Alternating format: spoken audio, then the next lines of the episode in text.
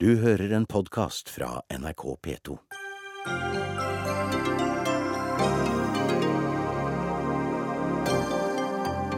Regjeringen vraket den svenske kunstneren Jonas Dahlbergs forslag til minnested for 22. juli. Både ved Utøya og foran det nye regjeringskvartalet. Jeg er opprørt over hele prosessen, sier byrådslederen i Oslo. Foreldre fortviler over sommerstengte barneavdelinger på sykehus, som selv mener tilbudet er godt nok. Mediene gir kvinnelige fremmedkrigere en offerrolle, ifølge tenketanken Minotenk. De frykter vi ufarliggjør potensielle terrorister. Og støyen fra det planlagte beredskapssenteret til politiet har satt sinnet i kok i lokalmiljøet, men Justisdepartementet sier helikoptrene og skytingen og granatene ikke vil bråke mer enn en vaskemaskin.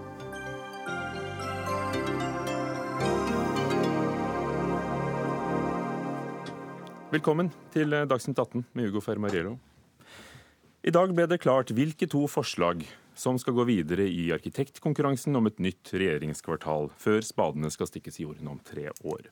Men kritikken har økt i styrke, både fra arkitekter, byplanleggere og politikere, som frykter at samlingen av alle departementene på ett sted skal gjøre kvartalet til en steinørken midt i Oslo sentrum, som ellers kunne vært fylt av liv. Og etter flere års planlegging er begge minnestedene som kunstneren Jonas Dahlberg skulle utforme, stanset. Byrådslederen i Oslo reagerer kraftig, og ham skal vi møte snart. Men Jan Tore Sanner, kommunal- og moderniseringsminister fra Høyre. Du har ikke lyst til å debattere disse to sakene, altså verken selve regjeringskvartalet eller den beslutningen du kom i forrige uke om minnestedene. Hvorfor ikke? Jeg, jeg, mener det er viktig at vi har en uh, åpen uh, diskusjon både om, om minnesteder og, og, regjeringskvartalet. Samtidig så er vi nå i, i, prosess. Det er ikke fattet noen beslutninger om, uh, om det endelige utformingen av, av regjeringskvartalet. og Derfor så mener jeg at det er greit at vi har en dialog om, om dette. og jeg er helt sikker på at du, kommer, du og jeg, og jeg er helt sikker på at du kommer til å stille mange kritiske spørsmål. Men nettopp fordi denne diskusjonen er viktig, og Stortinget er sommerstengt, så de kan ikke reagere på, på dette, eh, hvorfor vil du ikke da ta den med andre politikere? Ja, nå, nå, kjenner jo ikke jeg hele diskusjonen i forkant av, av dette, dette, programmet. Jeg har hatt en rekke ulike oppdrag gjennom, gjennom, dagen. Jeg har sagt ja til å stille i uh, Dagsnytt 18 og åpen for de spørsmålene du har. Og Spørsmålet er om den beslutningen du annonserte i forrige uke, at minnestedet ved Utøya på Sørbråten det blir lagt til side, altså denne kjente skjæringen som Jonas Dahlberg vant. Og det som fikk mindre oppmerksomhet, er at også det minnestedet som Jonas Dahlberg vant i en konkurranse om å utforme i regjeringskvartalet, legges til side. Hvorfor skal det legges til side? Det var Aftenposten som tok opp dette i dag, fordi Jonas Dahlberg har skrevet en kronikk om dette. La meg først si at uh, det er viktig at vi nå får på plass nasjonale minnesteder. Vi trenger steder hvor vi kan uh, savne, sørge og ikke minst samles om de verdiene som ble utfordret for, for nesten seks, uh, seks, år siden. Så var det mye diskusjon, til dels høylytt diskusjon, rundt Sørbråten. Det har vært en stor belastning for alle berørte, de som mistet sine barn de som mistet kanskje mor eller far. Og også for naboer, frivillige og mange av de som deltok 22.07.2011. På et tidspunkt så ble det da varslet rettssak, og det var bakgrunnen for at eh, vi sa ja til AUF og støttegruppens eh, invitasjon til at vi kunne vurdere Utøykaia. Når den beslutningen ble tatt, så var det også naturlig å tenke nytt i regjeringskvartalet. Hvorfor var det det? Fordi Opprinnelig så var det lagt vekt på at det skulle være en sammenheng mellom de to utformingene. Men det er siden eh, blitt sagt fra KORO, Kunst i offentlig rom, at det ikke var så viktig også fra, fra kunstnerne. Dette er et prosjekt som har vært jobbet med i over fem år, og som vant en konkurranse.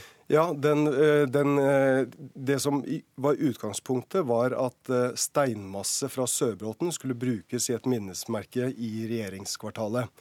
Og Når da Sørbråten ikke blir realisert, så betyr det at da kunne man tenke nytt i regjeringskvartalet. Nå hadde jo her så, kunstneren og Koro tenkt nytt for lenge siden og gått bort ifra det opprinnelige utgangspunktet der. Ja, det, det, er riktig. Eh, og det kom jo da noen skisser på bordet som eh, Aftenposten har publisert i, i dag.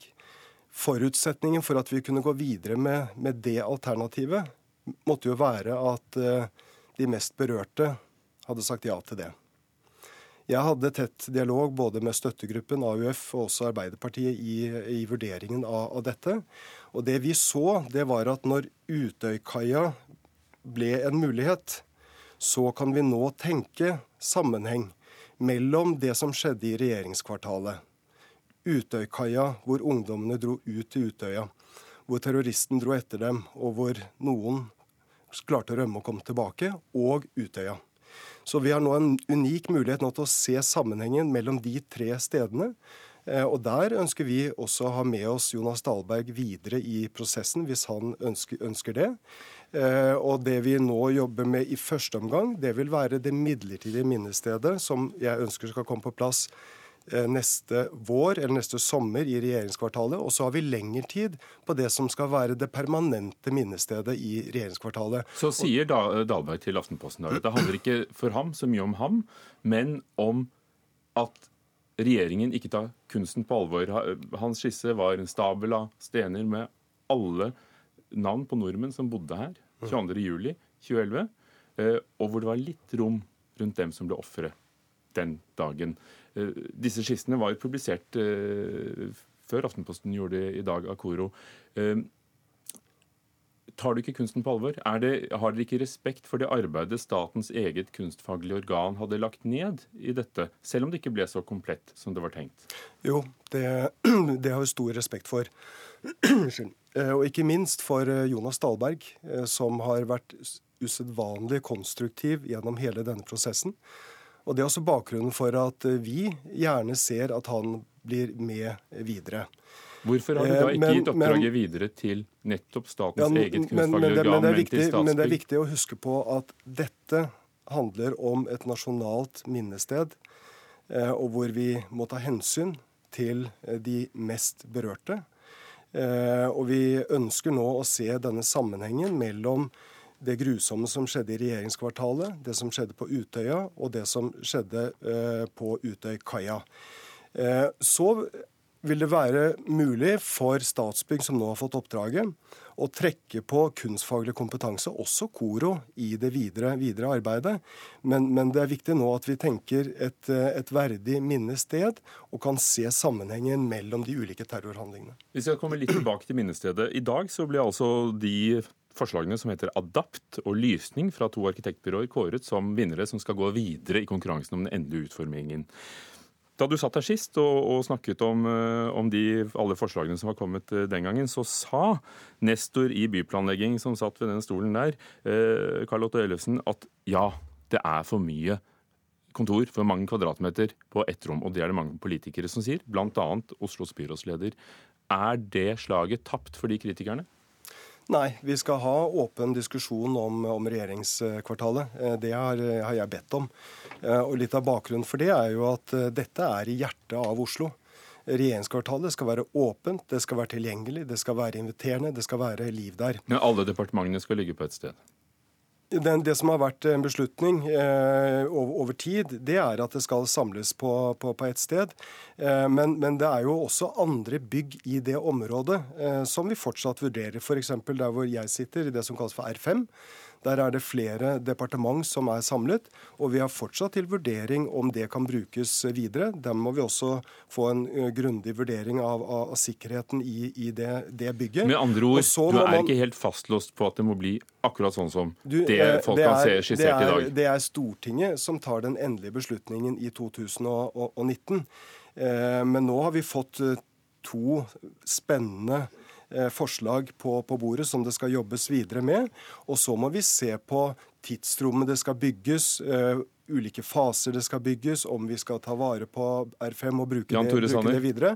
Men regjeringskvartalet det kommer til å bli åpent og fint. Du skal få ord igjen, men du vil altså ikke debatteres. Du kan sitte og lytte. Raymond Johansen, byrådsleder i Oslo fra Arbeiderpartiet. Er du overrasket over at kommunalministeren ikke ønsker å, å diskutere direkte med deg, verken om minnestedene eller hvordan regjeringskvartalet skal prege hovedstaden? Ja, det er jeg, fordi eh, det er de som skal fatte beslutningene. Eh, hele regjeringskvartalet er et, en statlig regulering som eh, Jan Tore Sanner og staten selv har myndighet til å gjøre. Som kommer til å prege hovedstaden med 700 000 innbyggere i 100 år framover. Da tror jeg det er svært viktig å ha en åpen debatt om både volum og hvordan dette skal utformes. Så akkurat på det området så er jeg overrasket over at Jan Tore Sanner ikke vil delta i en debatt. Men den okay, debatten... Men, men, altså, la, kom, kom igjen, da. Du vil det? Jo da, det er det. Men eh, mitt hovedpoeng det, det var at, eh, at her, har vært, her, er det ulike fagmiljø som er inne i den diskusjonen. Men hvis byrådslederen i, i Oslo ønsker diskusjon, så kom igjen, jeg er åpen for det. Veldig bra. Det... Eh, Raymond Johansen, hva er problemet med beslutningen som er tatt? Dette var en prosess som har pågått uh, også med den forrige Arbeiderpartiregjeringen, hvor dette er blitt bestemt hva som skal ligge hvor. Uh... Det jeg mener vi må ha en debatt om, det er først nå for kort tid siden vi fikk modellene. Vi så visuelt hvordan byen vår ville bli preget av eh, disse store byggene. Eh, og hvordan eh, dette vil ha betydning for bygg som vender ryggen til byen. Betydning for Jungstorget, betydning for Møllergata og betydning for den andre delen av byen. Det jeg har sagt, er at jeg frykter at det blir en steinørken. Det skal være et område hvor det ikke er lov å ha butikker i første etasje. Det men dette var det mange som advarte mot før òg? Advart mot før, men vi er jo heldigvis da inne i en debatt, og da er vi grunnleggende nødt til å stille spørsmål til. Er det virkelig nødvendig at Utenriksdepartementet flytter fra Victoria terrasse? Eh, jeg er veldig glad for at det er fortsatt en debatt om eh, R5 og R6. Nå blir det lokale det, navn her, men dette er alle bygg i nærheten. Dette er regjeringsbyggene men som er der. Er, dette, dette, dette er ting som du mener kan gjøre byen mer livlig? Dette har betydning for volumet på de nye regjeringsbyggene som skal uh, reises, og det vil ha stor betydning for, for byen. Det er viktig for oss nå å få tillatelse til å ha aktivitet i Møllergata, også på gateplan. Dette handler om sikkerhet òg, da? Det handler om sikkerhet, men da må vi igjen ha en diskusjon om hvor skal grensene for sikkerhet gå. Og det er en levende debatt. Hvor mye skal vi la oss styre? Hvor mye skal vi la, la byen bli lukket pga. Av, av, av sikkerhetshensyn? Og Jeg, Vil du gå til valg på, eller ditt parti, på at Utenriksdepartementet ikke må flytte inn sammen med de andre? Altså, øh, Oslo kommune har avgitt en høringsuttalelse det er ikke vi som er reguleringsmyndighet i denne saken, det er vi i alle andre saker. Her har regjeringen sagt selv, og det gjorde den forrige regjeringen, at dette er en statlig regulering.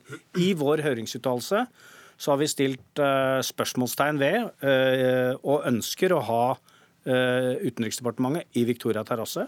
Vi har stilt spørsmålstegn om bruken av regjering R5 og R6, om Møllergata, om størrelsen på bygget, om hva vi kan greie å gjenbruke for å få ned volumet. Og jeg tror også at vi må ha en debatt, selv om jeg vet at eh, helt sikkert Statsbygg og eh, DSS og andre ikke vil ha det, om det er tjent med å ha alle departementene samlet på den måten, når vi visuelt nå ser konsekvensen av det, og hvilken betydning det vil ha for vår hovedstad. Og tydeligvis ikke tok det inn over dere da advarslene kom, og dere selv satt i regjering? Eh, det er en stund siden vi satt i regjering. Jeg sier vi så nå modellene og hvordan dette visuelt ser ut. Men vi er jo ikke ferdig med den debatten. Og jeg uttaler meg som byrådsleder i Oslo. Vi har avgitt og... vår høringsuttalelse på volumet på dette, som vi mener kan føre til en steinørken. Og alle kan se nå på NRKs nettsider hvordan det vil se ut. Vi skal fortsette å snakke om minnestedene, og får inn uh, flere som skal uh, nettopp debattere det.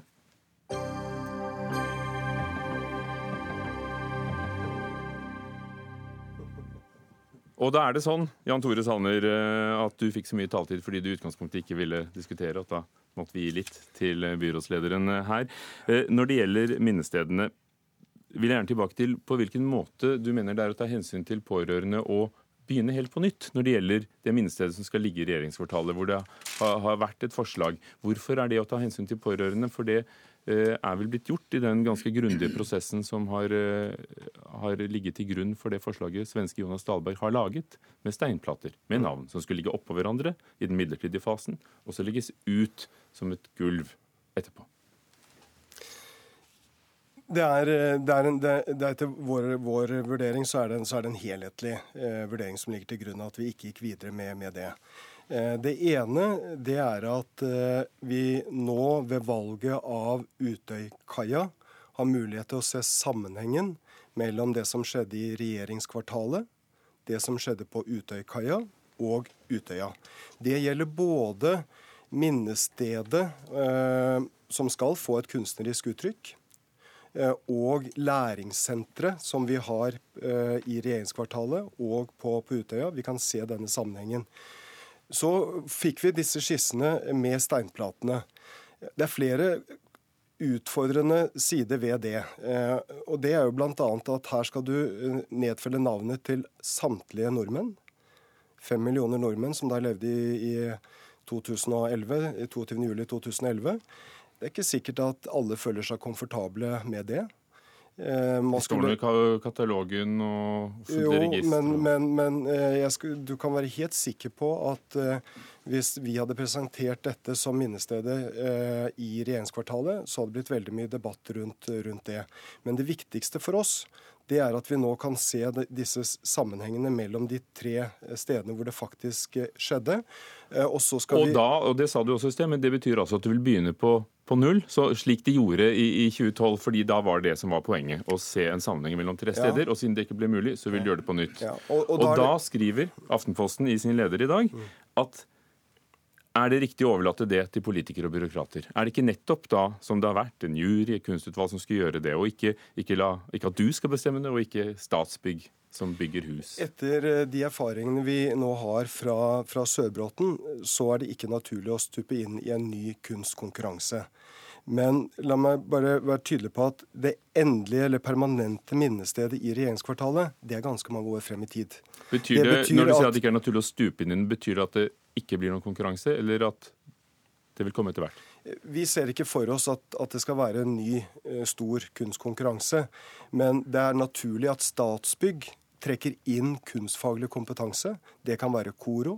Vi har gitt et klart uh, uttrykk for at, uh, at, vi gjerne ser at Jonas Dahlberg er med i den videre prosessen.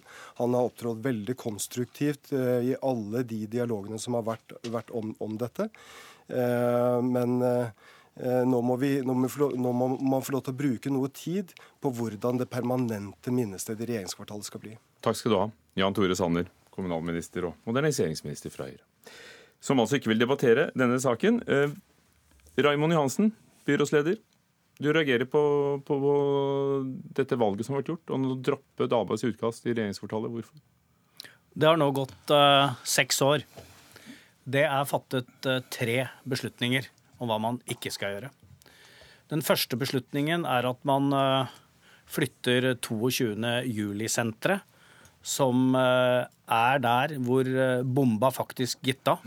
Der den gikk av, det er minne om det som faktisk skjedde. Den andre beslutningen som eh, kommunalministeren redegjør for, er beslutningen da om å flytte fra Sørbråten. Jeg må si at det kunstverket som var der, det er min oppfatning om det, er det sterkeste følelsen av tap jeg har sett. Og det er jo nettopp det 22. juli handler om. Men der var det mange hensyn å ta. Det ble en veldig vanskelig prosess, også juridisk. Et smertefullt følelse av tap. Alle disse beslutningene er eh, vanskelig å ta, så det krever et sterkt lederskap. Og den tredje beslutningen, eh, som nå er tydeligvis tatt, det er å annullere forslaget til Dahlberg. Og det som er fascinerende og viktig med det forslaget til minnesmerke som ligger der, er det han forsøker å fange opp med å ha en kommunikasjon mellom generasjoner at dette var en hendelse som det er viktig å finne ulike innfallsvinkler om du er barn eller voksen. Dette skal, denne minnesmerket skulle vært i et sted hvor det kommer til å jobbe tusener av kvinner og menn i demokratiets tjeneste. Det er viktig å minne om grunnen til at man bygger dette nye regjeringskvartalet. Det var en terrorist som satte av en bombe, drepte til sammen 77 mennesker. Det krever refleksjon, refleksjon, diskusjon er den beste garantien for å hindre at sånne ting skjer igjen.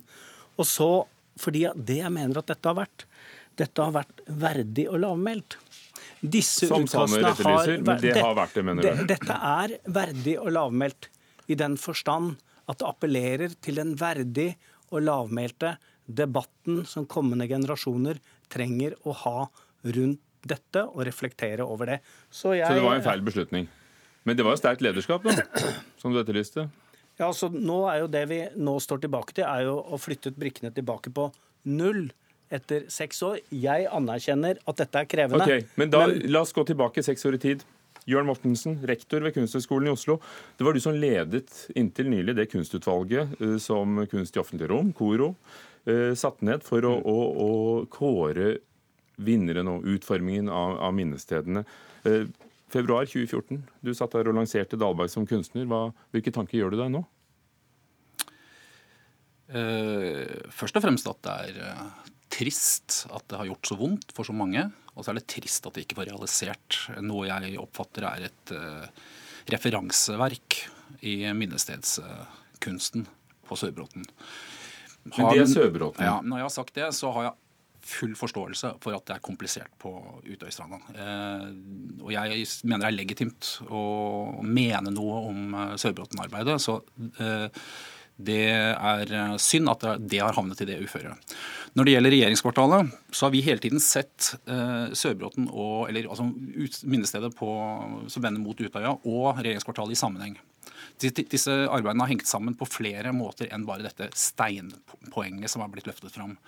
Eh, I ehm, september i fjor så, så, ble det avklart at vi skulle jobbe med sammenhenger mellom de to arbeidene på andre måter. og eh, Det konseptuelle har ligget der, det idémessige det har ligget der hele tiden. Også helt tilbake til da Jonas Dahlberg ble utpekt som vinner i februar 2014. Og siden da Dahlbergs minnested ved Utøya ikke blir noe av. Er det da riktig av Sanner kanskje å begynne prosessen på null, siden nettopp den sammenhengen var det dere jobbet med? Vel, eh, det er slik at Eh, det, vært, det, er legitimt enhver til å stoppe en prosess. og Det, det ligger også i kontrakten til Dahlberg at en, en, en terminering av en, sånn, av en, sånn, prosess det kan skje når som helst. Jeg bare forstår ikke grunnlaget for å gjøre det. fordi at det, eh, det var allerede avklart at vi kunne jobbe videre med en sammenheng mot regjeringskvartalet. I tillegg til at vi var godt i gang med en prosess med forankring mot de berørte parter og mot politisk ledelse i forhold til prosjektet i, i regjeringskvartalet. Og så har det også noen kvaliteter som har blitt eh, ganske klart i, i dag, som det er veldig synd og også igjen trist at eh, offentligheten ikke får eh, ta nytte av.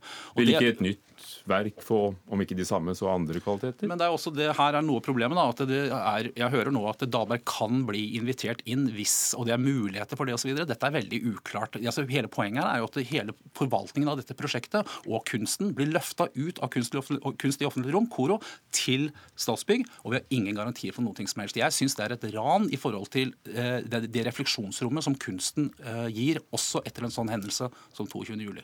Der runder vi av denne runden. Takk skal dere ha. Jørn Mortensen, rektor ved Kunsthøgskolen, som ledet det kunstfaglige arbeidet med å finne disse minnestedene, som nå er forkastet. Raymond Johansen, byrådsleder i Oslo.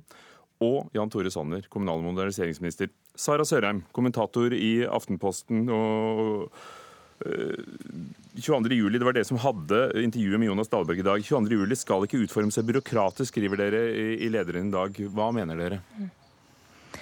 Vi mener at dette minnesmerket, eh, dette minnestedet, eh, som skal markere et ja, et nasjonalt traume. En, en, hendelse som berørte oss alle som, som var i Norge 22.07. da hendelsen inntraff, men også vår nasjon i generasjoner. Dette stedet er eh, av veldig høy viktighet for oss alle. Og um, bør ikke være offer for uh, mer eller mindre veloverveide Jeg holdt på å si innfall nå, det er nok litt for arrogant å kalle det det. For jeg har forståelse for at dette har vært en veldig vanskelig prosess, også for statsråden og de andre som har sittet med dette nå. Men jeg syns likevel at det virker som en uprofesjonell tilnærming til noe som har en så stor betydning.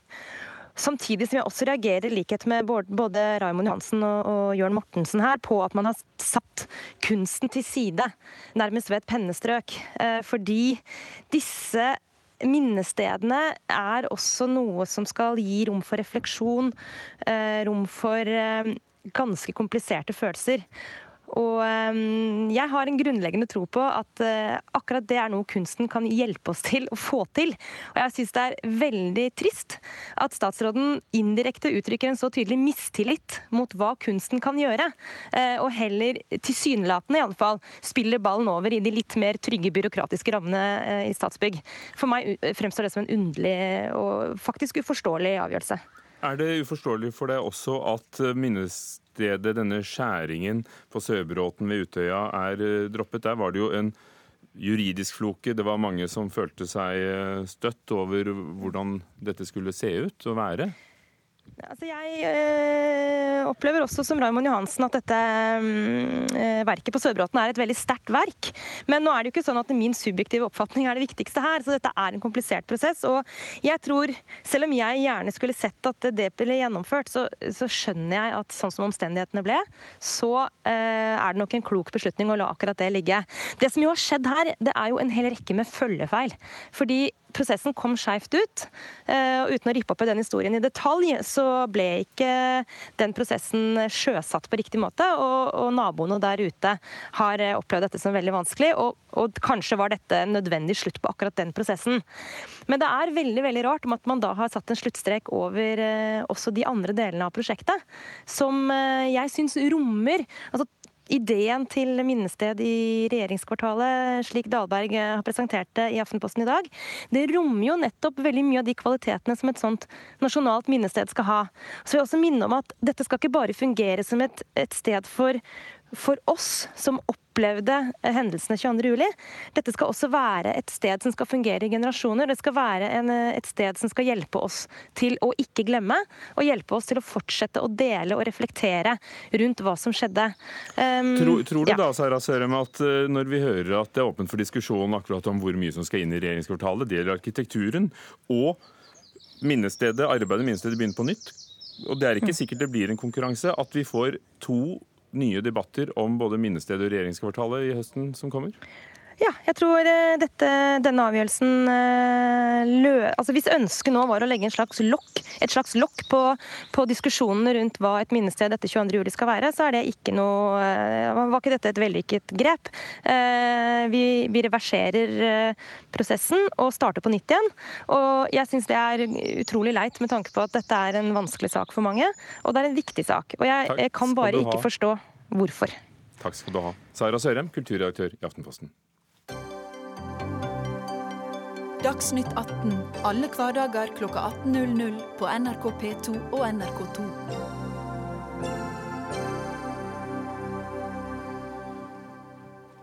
Mediene gir kvinnelige fremmedkrigere i terrororganisasjonen IS en offerrolle, og beskriver kalifatets kvinner som passive jihadistbruder er både å gjøre dem ufarlige å fraskrive ansvar og en fornærmelse mot kvinner. Det kan vi lese i en kronikk i Aftenposten. Og, det er du, Julie Restad Ove, som er nestleder i Tankesmien uh, Minotenk, som skriver dette. Uh, på bakgrunn av en mastergradsoppgave du har gjort, og, og, da undersøkelser av hvordan pressen omtaler kvinnelige jihadister. Uh, ja, hvordan blir de fremstilt? Ja, nå har jeg sett på 130 nyhetsartikler i Norge, Sverige, Danmark og England. Og det er ikke helt svartmalt bilde jeg ser. Men jeg ser noen trender som jeg tenker at i dag er litt utdaterte. Eh, først og fremst så handler det om ordbruken. Man bruker veldig ofte ord som lurt, lokket og litt mer ekstremt manipulert og hjernevasket eh, for å forklare hvordan de kunne ende med å opp i IS. Eh, for det andre så ser jeg et voldsomt fokus på husmorrollen, og at de er motivert av å reise ned for å gifte seg, for å få barn. Og kun to av 130 nyhetsartikler så nevner man f.eks. at man ønsker å kjempe mot Assad eh, som en motivasjon. Hvilke ord er det de da benytter seg av? Det er britiske, danske, svenske og, og norske aviser du har sett på. Mm, mm. Hvilke ord? Eh, type, det er type lurt lokket. Eh, kvinnene lokkes av eh, romantisert bilde av kalifatet og masser av menn. Nå har de fått tak i kvinnene. Og Hva kan den eh, fremstillingen føre til? Jeg tenker at eh, For det første så er det en ansvarsfraskrivelse av disse kvinnene. Det tilsier at du ikke har tatt et fullt bevisst valg. Det andre er at det er også en ufarliggjøring av dem. Eh, blant annet så ser vi en artikkel i Aftenposten så står det Gud lærer om, nei, gutter lærer om Gud og gevær, jenter lærer om Gud og matlaging. Og det gjentatte fokuset på kvinner i husmorrollen gjør at man ikke tenker at de kan være farlige når de returnerer til hjemlandet. Og man tenker at det verste som kan skje, er at de lager en altfor sterk hummus. Ikke at de kan for utføre et selvmordsangrep. Som de kan. Som de kan. Det har man sett eksempler på. Olga Stokke, journalist i Aftenposten. Du skrev en stor reportasje i A-magasinet med tittelen 'Hvordan kunne tre unge vestlige mødre og deres små barn ende opp som IS-fanger i Syria?' Og, og fortalte historiene deres eh, om livet i Raqqa og veien hjem til Norge, Frankrike og Belgia. Eh, hvorfor brukte du ordet 'fange'? Var de fanget og, og lurt? Ja, Først vil jeg si at jeg laga den sammen med kollega Helle Årnes eh, og fotograf Monica Strømdal. Eh, de eh, fortalte oss, de tre kvinnene vi intervjua, at eh, to av dem de dro helt frivillig. De valgte å dra ned. De tok valg. De ville dra ned for å bidra til å bygge opp kalifatet sammen med en menn. Den ene, den norske, hun fremstilte det hele veien overfor oss og har gjort det overfor andre, at hun ble lurt av mannen sin. Hva som der blir det Altså, mannen er jo også tiltalt. Eh, men de to første, de, de dro ned frivillig. Og så erfarer de at eh, det de forteller, da, de erfarer at det ble helt annerledes. Og de eh, blir fanger av IS. De blir holdt tilbake mot sin egen vilje. Og de oppfatter seg selv som fanger. Vi har aldri brukt ordet offer i vår artikkel. Og offerperspektivet som frontes, som du skriver, Julie. Eh, vi har fortalt deres historie sånn som de selv ønsker å fremstille den. da. For, for eh, det er jo ikke sånn at Stokke legger og, og kollegene hennes legger jo ikke skjul på at eh, to av disse tre kvinnene har selv valgt å reise, men så, så føler de seg, seg lurt. Og, og, kan det være at de beskrivelsene du har lest og reagerer på, speiler virkeligheten?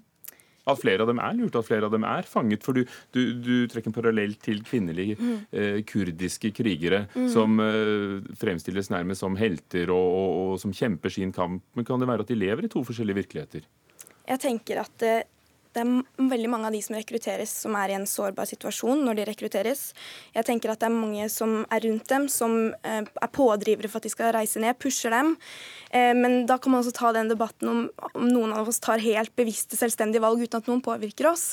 Eh, og, og sånn sett er vel mennene også ofre, selv om de er selv radikalisert? Ikke sant. Det er jo det, er jo det første at det skal ikke være noe forskjell på hvordan vi ser på menn og kvinner. og det er ofte sånn at man eh, har, føler mer synd på kvinnene og mer empati for kvinnene. Og jeg mener at mediene er én del av å skape det bildet. Behandler vi menn og kvinner forskjellige? Har vi et automatisk blikk på rollene? Jeg tror det er veldig lurt å tenke over det og diskutere sånn som du drar opp. Det tror jeg er lurt. For uh, opp gjennom historien så er kvinner blitt behandlet og blitt sett på eh, annerledes enn menn. Man snakker om kvinner og barn først. Det var alltid menn som skulle gå sist hvis det var snakk om fare. Men jeg tror at i den sammenhengen her så er det viktig å eh, huske, eller være bevisst og klar over hvordan IS definerer kvinner i oppbyggingen av kalifatet sitt. Altså, De definerer veldig klart de skriver det selv, eh, og forskere har sagt det, at eh, kvinner skal føde barn. Eh, de er bakkemannskap, de skal serve mennene. Jeg har ikke hørt om IS-kvinner som er ved fronten, i motsetning til persmerga-kvinnene, som er ved fronten sammen med mennene for å krige mot IS. Som er de kurdiske? Som er de kurdiske kvinnene. Men så er det vel sånn at disse unge kvinnene har jo også da valgt å reise. De skal være temmelig naive hvis de ikke selv er klar over hva de blir med på? Altså, da eksempel denne saken som er brukt som et eksempel her, at vi gjør de til ofre, så spurte vi um, hvordan kunne du dra til IS-land, til Raqqa, og ta med deg barnet ditt?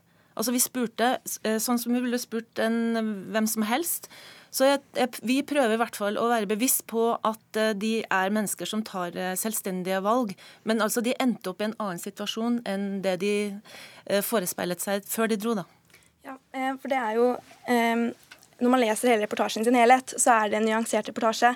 Men vi er sånn at i dag så sitter du på mobilen, du scroller fort forbi, du får med deg overskriften. Kanskje du ikke leser hele. Da får du med at de er fanger, og det er med på en helhetlig fremstilling av kvinner i IS. Takk skal dere ha, begge to. Julie Restad Ove, nestleder i Minotenk, og Olga Stokke i Aftenposten.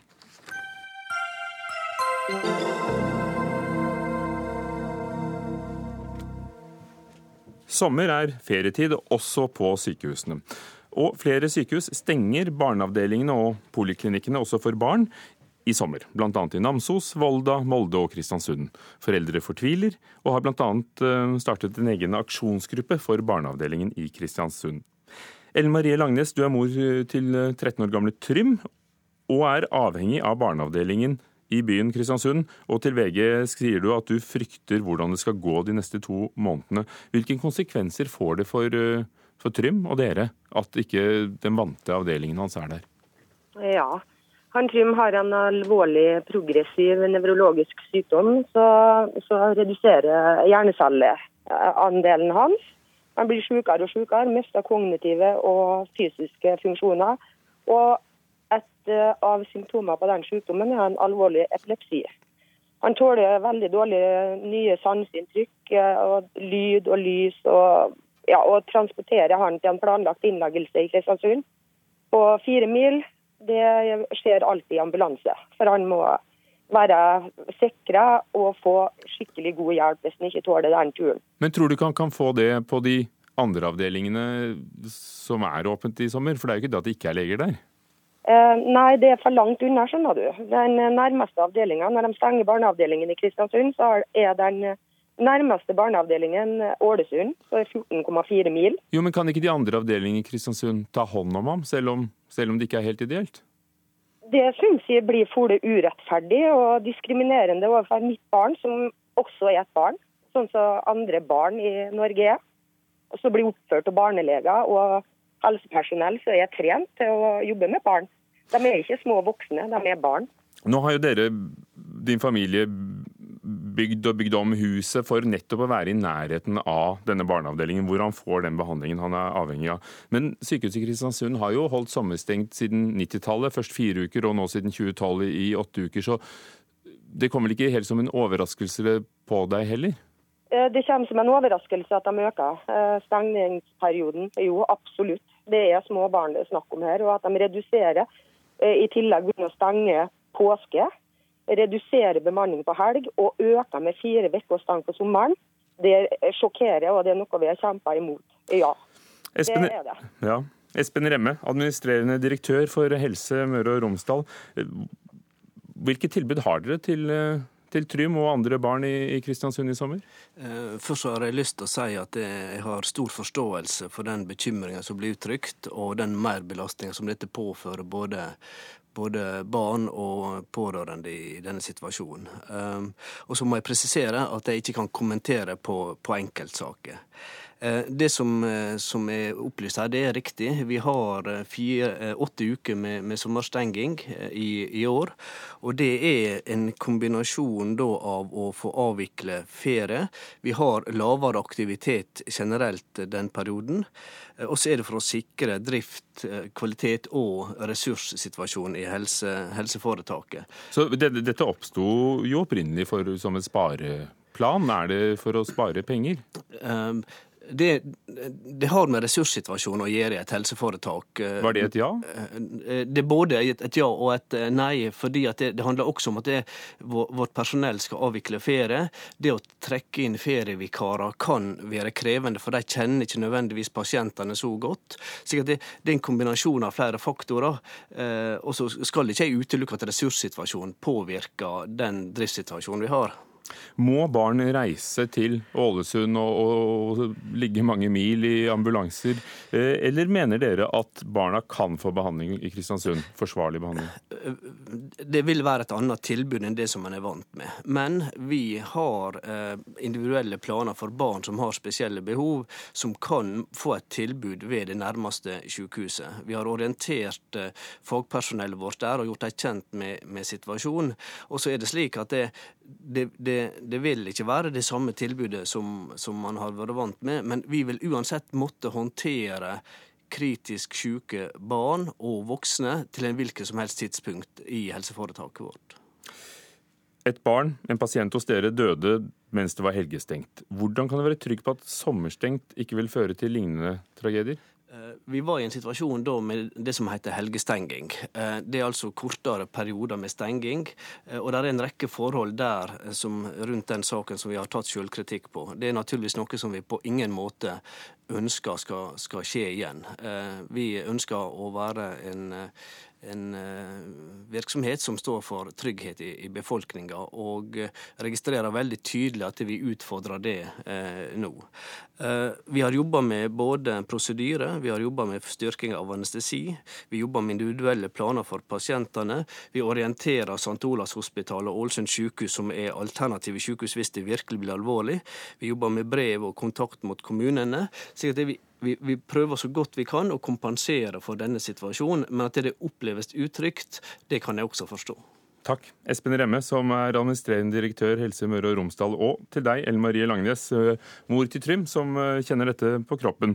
Og nå har vi hørt altså med de fire helseregionene i, i Norge eh, om de stenger barneavdelingene. Noen reduserer sengeplassene, men det er altså bare i Helse Midt-Norge at selve avdelingene stenger.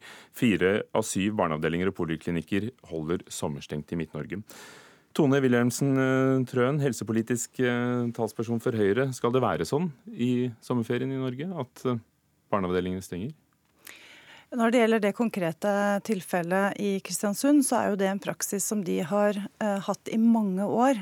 Eh, fra 90-tallet, som programlederen sa, og fra 2012 med, med åtte uker.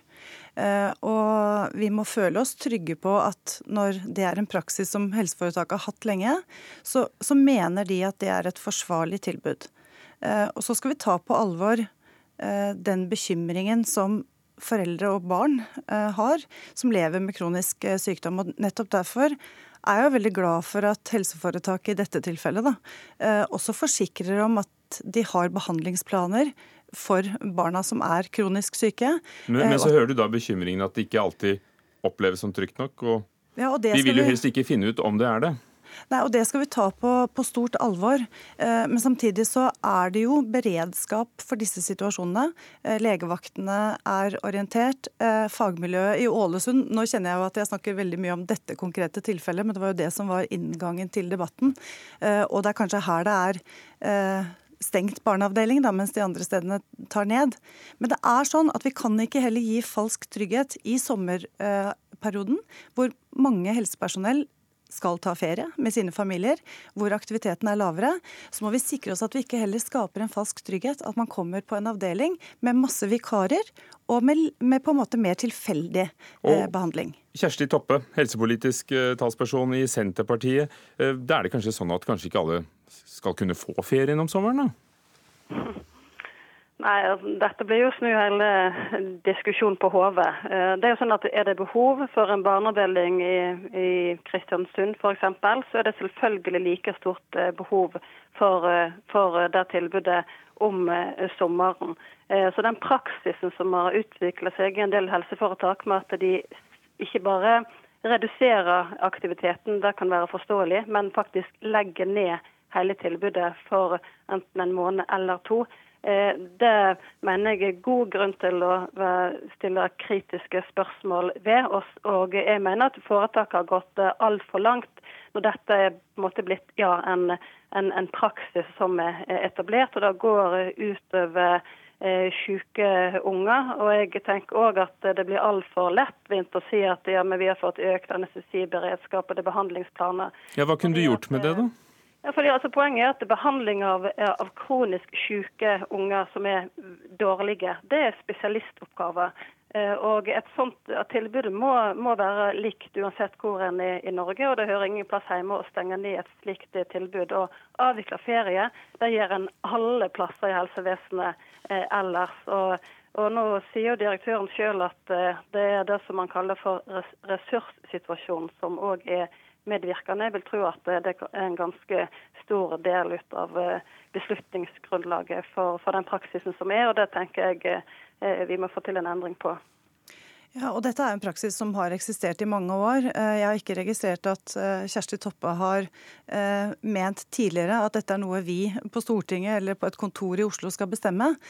Vi må ha tillit til at alle helseforetak foretar de riktige vurderingene for å ha riktig kompetanse til stede på avdeling, eh, som kan håndtere de syke pasientene som trenger det. Og, eh, Men hvis det er for å håndtere ressurssituasjonen, som ble sagt, altså spare penger, så kan det være at kanskje det, det, må finansieres på en annen måte, slik at de har penger nok til å holde åpent? Ja, men vi kan ikke, jeg tror ikke vi kan bevilge oss på noen måte bevilge oss ut av den utfordringen at det i Norge eh, til enhver tid vil være eh, knapphet på faglige ressurser. Dette er jo barneleger og barnesykepleiere. De skal også ha sin ferie. Eh, og at helseforetaket da velger å eh, ruste opp eh, beredskapen og mener at det er et forsvarlig tilbud i disse to månedene for å avvikle eh, sommerbemanningen, så må vi stole på at det er en vurdering som helseforetaket har tatt, og at det er faglig forsvarlig. Toppe, stoler du ikke på, på de som skal styre lokalt? Jeg mener det er et eh, politisk ansvar å stille spørsmål ved praksisen i helseforetakene. Det skulle bare mangle. Eh, når det kommer sterke bekymringsmeldinger fra de som helsevesenet tilfører, til for, altså pasienter og, og pårørende, om at, at de, det er et utrygt tilbud, eh, så mener jeg vi på Stortinget skal stille spørsmål. Og Spørsmålet stiller vi jo allerede her, men kunne du tenke deg noen nasjonale retningslinjer f.eks.?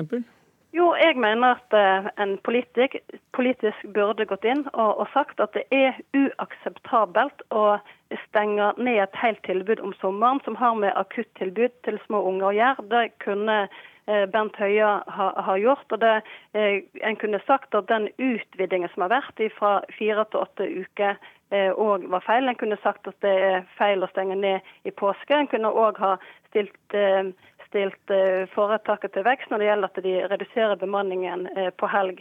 Så eh, mer politikk, altså? Sluttreplikk til Tone Wilhelmsen Trøen. Det aller viktigste er at barn og foreldre føler seg godt ivaretatt, og at helseforetaket har en god dialog rundt de behandlingsplanene som gjelder for de barna som dette vil gjelde. Det er det aller, aller viktigste. Og vi kunne ha fortsatt denne diskusjonen, men det skal vi ikke. Takk skal dere ha, Tone Wilhelmsen Trøen fra Høyre og Kjersti Toppe fra Senterpartiet.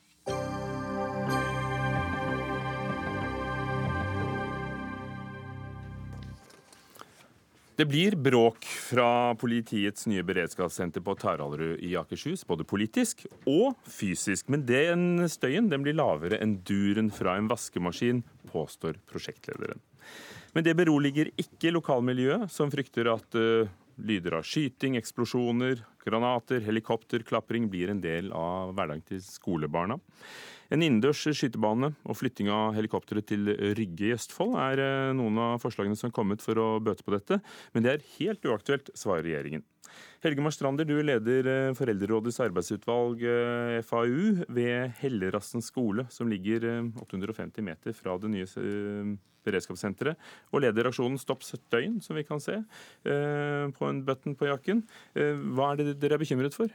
Vi er bekymret for det støybildet som eh, barna våre skal bli utsatt for hver eneste dag, fra syv om morgenen til syv om kvelden, hvis politiet får gjennom sine forslag. Duren fra en vaskemaskin? Duren fra en vaskemaskin kan ikke sammenlignes med det støybildet som skyting og eksplosjoner er. Det er en helt uh, feil måte å sammenligne de støykildene. Det tror jeg alle skjønner. At en dur fra en vaskemaskin, det kan man kanskje tenke seg at man kan venne seg til og med. Men barna skal altså ikke venne seg til skytestøy og eksplosiver i skolegården og i marka utenfor der de har undervisning hele tiden. Per Torgersen, prosjektleder for Nasjonalt beredskapssenter. Ja, så ble det endelig besluttet hvor det skulle bygges, da, etter mye om og men. Og så kommer eh, alle disse klagene fra lokalmiljø og foreldre. Hvorfor mener du at det ikke er grunn til å være bekymret? Altså Vi har et, uh, definert et anlegg som er i henhold til de retningslinjene som er for støy. Uh, og de retningslinjene er laga for å ta vare på hensynet til folk. Eh, og som det kommer fram også i, intervju med psykolog fra Transportøkonomisk institutt, så, så er disse eh, retningslinjene særskilt strenge for uh, skytestøy og den type støy som og, vi har her. Og Når du da bruker dette bildet av vaskemaskinen, er det da antall desibel som skal tilsvare det samme? Ja, det her er jo litt av komplekse... Du skal jo skyte utendørs, ikke sant? Ja, det skal skytes ut. Det skal lande helikoptre der og ta og lette? Ja, det er riktig. Hvordan kan det sammenlignes med en vaskemaskin? Ja, altså, det 35 desibel er det som er gjennomsnittsmålet, og så er det også krav da til til maksimalverdier. Dvs. Si verdier hvor da du får en rekke faktorer som slår til negativt samtidig. Og det, Retningslinjene er jo utarbeidet over eh, mange år. Eh, man har erfaring og forska på dette. Og Det er jo en grunn til at samfunnet har definert at dette er de eh, akseptansegrensene man skal ha for slike ting. Helge Marstrander, er det retningslinjen det er noe feil med? da? Dette er ikke en debatt om gule eller røde støysoner som støyforskriften driver med. Eh, det er jo det. Det er jo sånn man driver arealplanlegging når vi disponerer eh, den plassen vi har rundt oss. ja. Men da er det faktisk sånn at hvis eh, beredskapssenteret hadde vært, ligget der før, og man skulle etablert en skole, så ville skolen ikke vært lov å bygge der med de retningslinjer man har. Da ville de ikke fått lov til det. Eh, eh, men det er ikke en, en diskusjon som snakker om gule eller røde støysoner. Det er en diskusjon som går inn på Hvilket støynivå mener vi at det er riktig at barn skal utsettes for kontinuerlig hver eneste dag fra de er født til de velger å flytte fra områdene kanskje når de er 18-20 år. Hvordan, hvordan syns du bekymringen deres er blitt uh, tatt imot av regjeringen og planleggerne? Eh, regjeringen foreløpig ganske avvisende, uh, men vi merker jo oss at vi har tverrpolitisk støtte både i kommunene men nå etter hvert også fra eh, Stortinget. Eh, vi har gode møter både med Arbeiderpartiet, Senterpartiet, Venstre. Og eh, møter god forståelse og støtte for våre synspunkter. Så hva vil dere, da? Vi ønsker at primært to hensyn. Det er å få etablert et godt beredskapssenter på Taraldrud. Bare veldig tydelig på at det er vi for. Eh, vi er ikke mot det skal ikke bort? Det skal ikke bort. Vi er ikke mot beredskapssenteret, men vi ønsker å få etablert innendørs skytebaner der. Og det vet vi ut ifra uttalelser fra tidligere ja, ja, okay. Innendørs skytebane og? Og helikopter flyttet til Rygge. Oppnår vi de to tingene, så har politiet et bedre eh, treningssenter, og vi har kvitt støyproblemet. Tor Kleppen Settem, statssekretær i Justisdepartementet fra Høyre. Ja, Hvorfor ikke bare gjøre, gjøre dette? Altså, Den skolen ville altså ikke øh, kunne bli bygd i dag hvis det treningssenteret allerede lå der? For å si det sånn, nå, nå hadde jeg først av alt håpet at Mars Strander ville synes at det møtet vi hadde for to uker siden sammen med Jan Tore Sanner på skolen, at det også var et bra møte. Eh, det er jo fordi vi selvfølgelig tar på alvor den bekymringa som ligger der.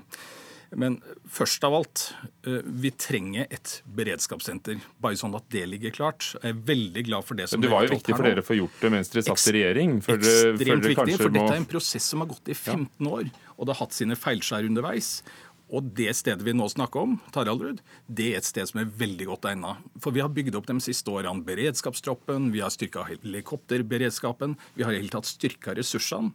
Et beredskapssenter det handler om å sørge for å få samla ressursene et sted som gjør at vi får øvd sammen. Og Dette var jo alle enige om lenge før dere kom i regjering. Men, men, hvorfor ikke bare bygge den innendørs skytebanen og, og, og flytte helikoptrene til Rygge, som vi snart skal høre veldig gjerne vil ha dem? Av den enkle grunn at eh, et beredskapssenter, en av de store svakhetene 22. juli-kommisjonen og andre har påpekt, det er at ressursene var for langt fra hverandre. De må samles i et beredskapssenter. Og vi ville undergrave hele beredskapssenteret hvis vi begynner å flytte ressurser ut fra beredskapssenteret, for da stjeler vi tid på å mobilisere, få ressursene ut. Skytebanen det, det er selvfølgelig en litt annen type debatt, men, men, det må være et beredskapssenter som samler alle de ressursene som inngår i de nasjonale beredskapsressursene. For vi har ikke tid til å stjele minutter når situasjonen krever innsats fra beredskapstroppen og andre ressurser politiet har. Hmm. Fordi eh, det er altså sånn at eh, Østfold fylkeskommune Siv Henriette Jacobsen, du er fylkesvaraordfører der fra Arbeiderpartiet. Dere vil jo veldig gjerne ha helikoptertrafikken til Rygge? Ikke bare Østfold fylkeskommune, men et samla Østfold-samfunn med alle ordførerne. Alle, hele stortingsbenken har vedtatt dette. Hvorfor mener du at det kunne være en ideell løsning? Dere ligger altså åtte minutter lenger flytid fra Oslo sentrum? Åtte minutter fra Taraldrud. Fra Taraldrud, ja. og enda lenger til Oslo sentrum. Men eh, det som er sagt, at skal dette beredskapssenteret, som vi også ønsker skal være på Taraldrud, fungere, så må det fungere i forhold til støy og i forhold til lokalbefolkninga. Og vi mener at ved å flytte det til Rygge, så vil du få en bedre helikopterfaglig løsning. Du får bedre synergieffekter med Forsvaret, og du får mulighet til å trene. Ikke minst så sparer du prosjekter for kanskje en milliard. Er selvfølgelig dypt uenig i beskrivelsen. For det handler ikke bare om åtte minutter flytid, men det handler om den tida det også tar å berede, lande, så få flytte videre. Og her skulle politiet å, altså få ett treningssenter. Ja. Eh, og, og, da blir det to, da, plutselig? Det er ingen grunn til å ha de helikoptrene på Taraldrud, for de skal ikke trene der. De har ikke lov til å trene der. De har ikke lov til å trene i lufta over Taraldrud ifølge reguleringsbestemmelsene for Taraldrud. De skal bare transportere inn og transportere ut. Så det er ingen grunn til å ha de der. Men for en framskutt beredskap så er det full mulig å ha en helipad eller en framskutt helikopter stående på Taraldrud av beredskapshensyn. Det mener vi er en god idé. For det er jo sånn at den treningen skal jo da Uh, vært lovet, i hvert fall. Ikke den, og drive og, det er helt trene riktig, Den skal jo ikke finne sted, den må finne sted andre steder. Men, men ressursen, ressursen må befinne seg der hvor mannskapene faktisk har øvingsaktiviteten og sitt daglige virke. Uh, for ellers så stjeler vi minutter når situasjonen oppstår. Eh, og hele hensikten med et beredskapssenter det er å ta de ressursene på beredskapsområdet som vi har styrka de siste årene, sørge for å samle dem på en måte som gjør at responstida går ned. Det er det som er så ekstremt viktig. Og da kommer helikopteret inn i bildet. Det må være tilgjengelig. Altså 8 minutter, 15 minutter eller hvilke minutter vi snakker om. Det er ekstremt alvorlig når den nasjonale beredskapsressursen med helikopter skal forflytte seg til Oslo sentrum, til Hamar, til Voss eller hvilket sted den måtte behov, være behov for å sette inn ett kvarter så når du 45% av Norges befolkning fra Rygge. Men det kvarteret har vi dessverre ikke råd til. Hvorfor, eh, hvordan kan det være tilgjengelig hele tiden hvis helikoptrene uansett må ut og trene et annet sted? Fordi vi eh, nå går til anskaffelse av tre helikopter, tre nye politihelikopter. Det skal sørge for at det alltid er en beredskap. Det skal sørge for at vi alltid har til mulighet for å drive vedlikehold. Og det vil gi oss en lastekapasitet, som er en ganske viktig del av beredskapssenteret og beredskapstroppens arbeid. Altså en lastekapasitet når situasjonen oppstår, til å kunne forflytte seg raskt ut. Tenker dere bare på Taraldrud i Østfold og på skolebarna der, eller har dere selv noe å vinne på å få helikoptrene til Rygge? Vi ønsker jo selvfølgelig å styrke det helikopterfaglige miljøet på Rygge, men det er klart en stor synergieffekt effekt å ha det der. Hva, hva skal synergien være? De har hver sine mannskap og hver sine baser? I forhold til samarbeidet med Forsvaret, f.eks. For eksempel. Forrige gang vi hadde en spissituasjon i Norge, så ble alle helikoptrene flytta til Rygge, slik at politiet og Forsvaret kunne koordinere seg. Så det er en stor synergieffekt ved et bedre samarbeid Men på tvers. Beredskapssenteret skal altså løfte beredskapen. Den skal ikke bare videreføre det som er, og det er ekstremt viktig. Men må jeg også, må jeg også bare få lov å føye til, for, for nå gikk Nei, Jeg tror ikke du skal føye til mer nå, for jeg skal spørre Per Torgersen. Hva kommer kommer skolebarna til å høre? Skolebarna kommer til å høre en del av denne støyen. Eh, men eh, Skyting? Ja. 80-90% av de skuddene vil man ikke høre i det hele tatt. Hvorfor ikke bare ha innendørs bane, så er alle fornøyd? Kanskje ikke dere? Eh, vi har innendørs bane også. Det er tre skytterbaner som skal bygges, hvorav to ute. Det er veldig viktig for politiet å kunne trene i alle realistiske scenarioer med vær og vind. og det er ganske, det, Dette er ikke tradisjonell blinkskyting. Så eh, det å få prøvd ulike former så du er klar når det skjer, eh, det er viktig. Tror, tror, du kampen er, eh, er, tapt politisk, eller håper dere fortsatt i aksjonsgruppen? Nei, Jeg håper virkelig at den ikke er tapt politisk, og jeg har ganske stor tro på at den ikke er tapt politisk. Bare replikk til det Torgersen sier. fordi når tidligere beredskapsleder for beredskapstroppen, Anders Northeinsmoen, uttaler seg om treningsfasiliteter, så sier han at de innendørsanleggene som var planlagt på Alnabru, var helt optimalt for deres behov. Og Når politiet i prosessen tidligere har uttalt seg om skyting, så har de også sagt at skyting skal hovedsakelig foregå innendørs og bare unntaksvis utendørs. Og Det er jo ikke det de planlegger nå. Ved å få frigitt en milliard ved å flytte helikoptrene til Rygge, så kan man bruke det på innendørs eh, skytebane. Men tror du hvem skal få i stand denne kuvendingen fra regjeringen da, tror du? godt politisk håndverk. Jeg håper jo at ministeren er villig til å bare, se på bare slå, vær, vær tydelig på at det tallet det er tatt helt ut av løse lufta. Det kommer til å tvert imot være ekstreme kostnader med en sånn løsning. Og så Og vi- har du helt rett i at debatten er ikke oppe og avgjort. Det er den ikke, dette- men den er slutt. Er, Den er slutt. Takk skal dere ha. om Tor Kleppen Settem. Paul Torgersen, Helge, Hegge Marstrander og Siv Henriette Jacobsen. Hanne Lunås var teknisk ansvarlig. Og Fredrik Lauritzen ansvarlig for Dagsnytt 18. Du har hørt en podkast fra NRK P2.